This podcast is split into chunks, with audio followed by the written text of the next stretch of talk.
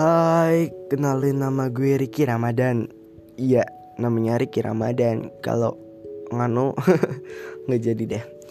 Dalam podcast kali ini gue akan bahas seputar apa aja yang gue lakuin selama ini. Ntar gue salurin ke podcast semua, gue bicarain semua ke podcast.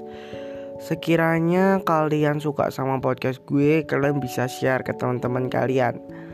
Terus ntar kalian ngikutin podcast gue Kalian dengerin bacotan gue, omongan gue. Kiranya ada yang berfaedah dan bisa dipetik nilai positif dari podcast gue.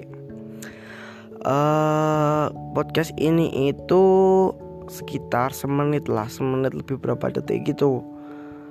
Nanti gue bakal upload tiap hari. Ya upload tiap hari paling ya malam. Ya nggak tahu random lah.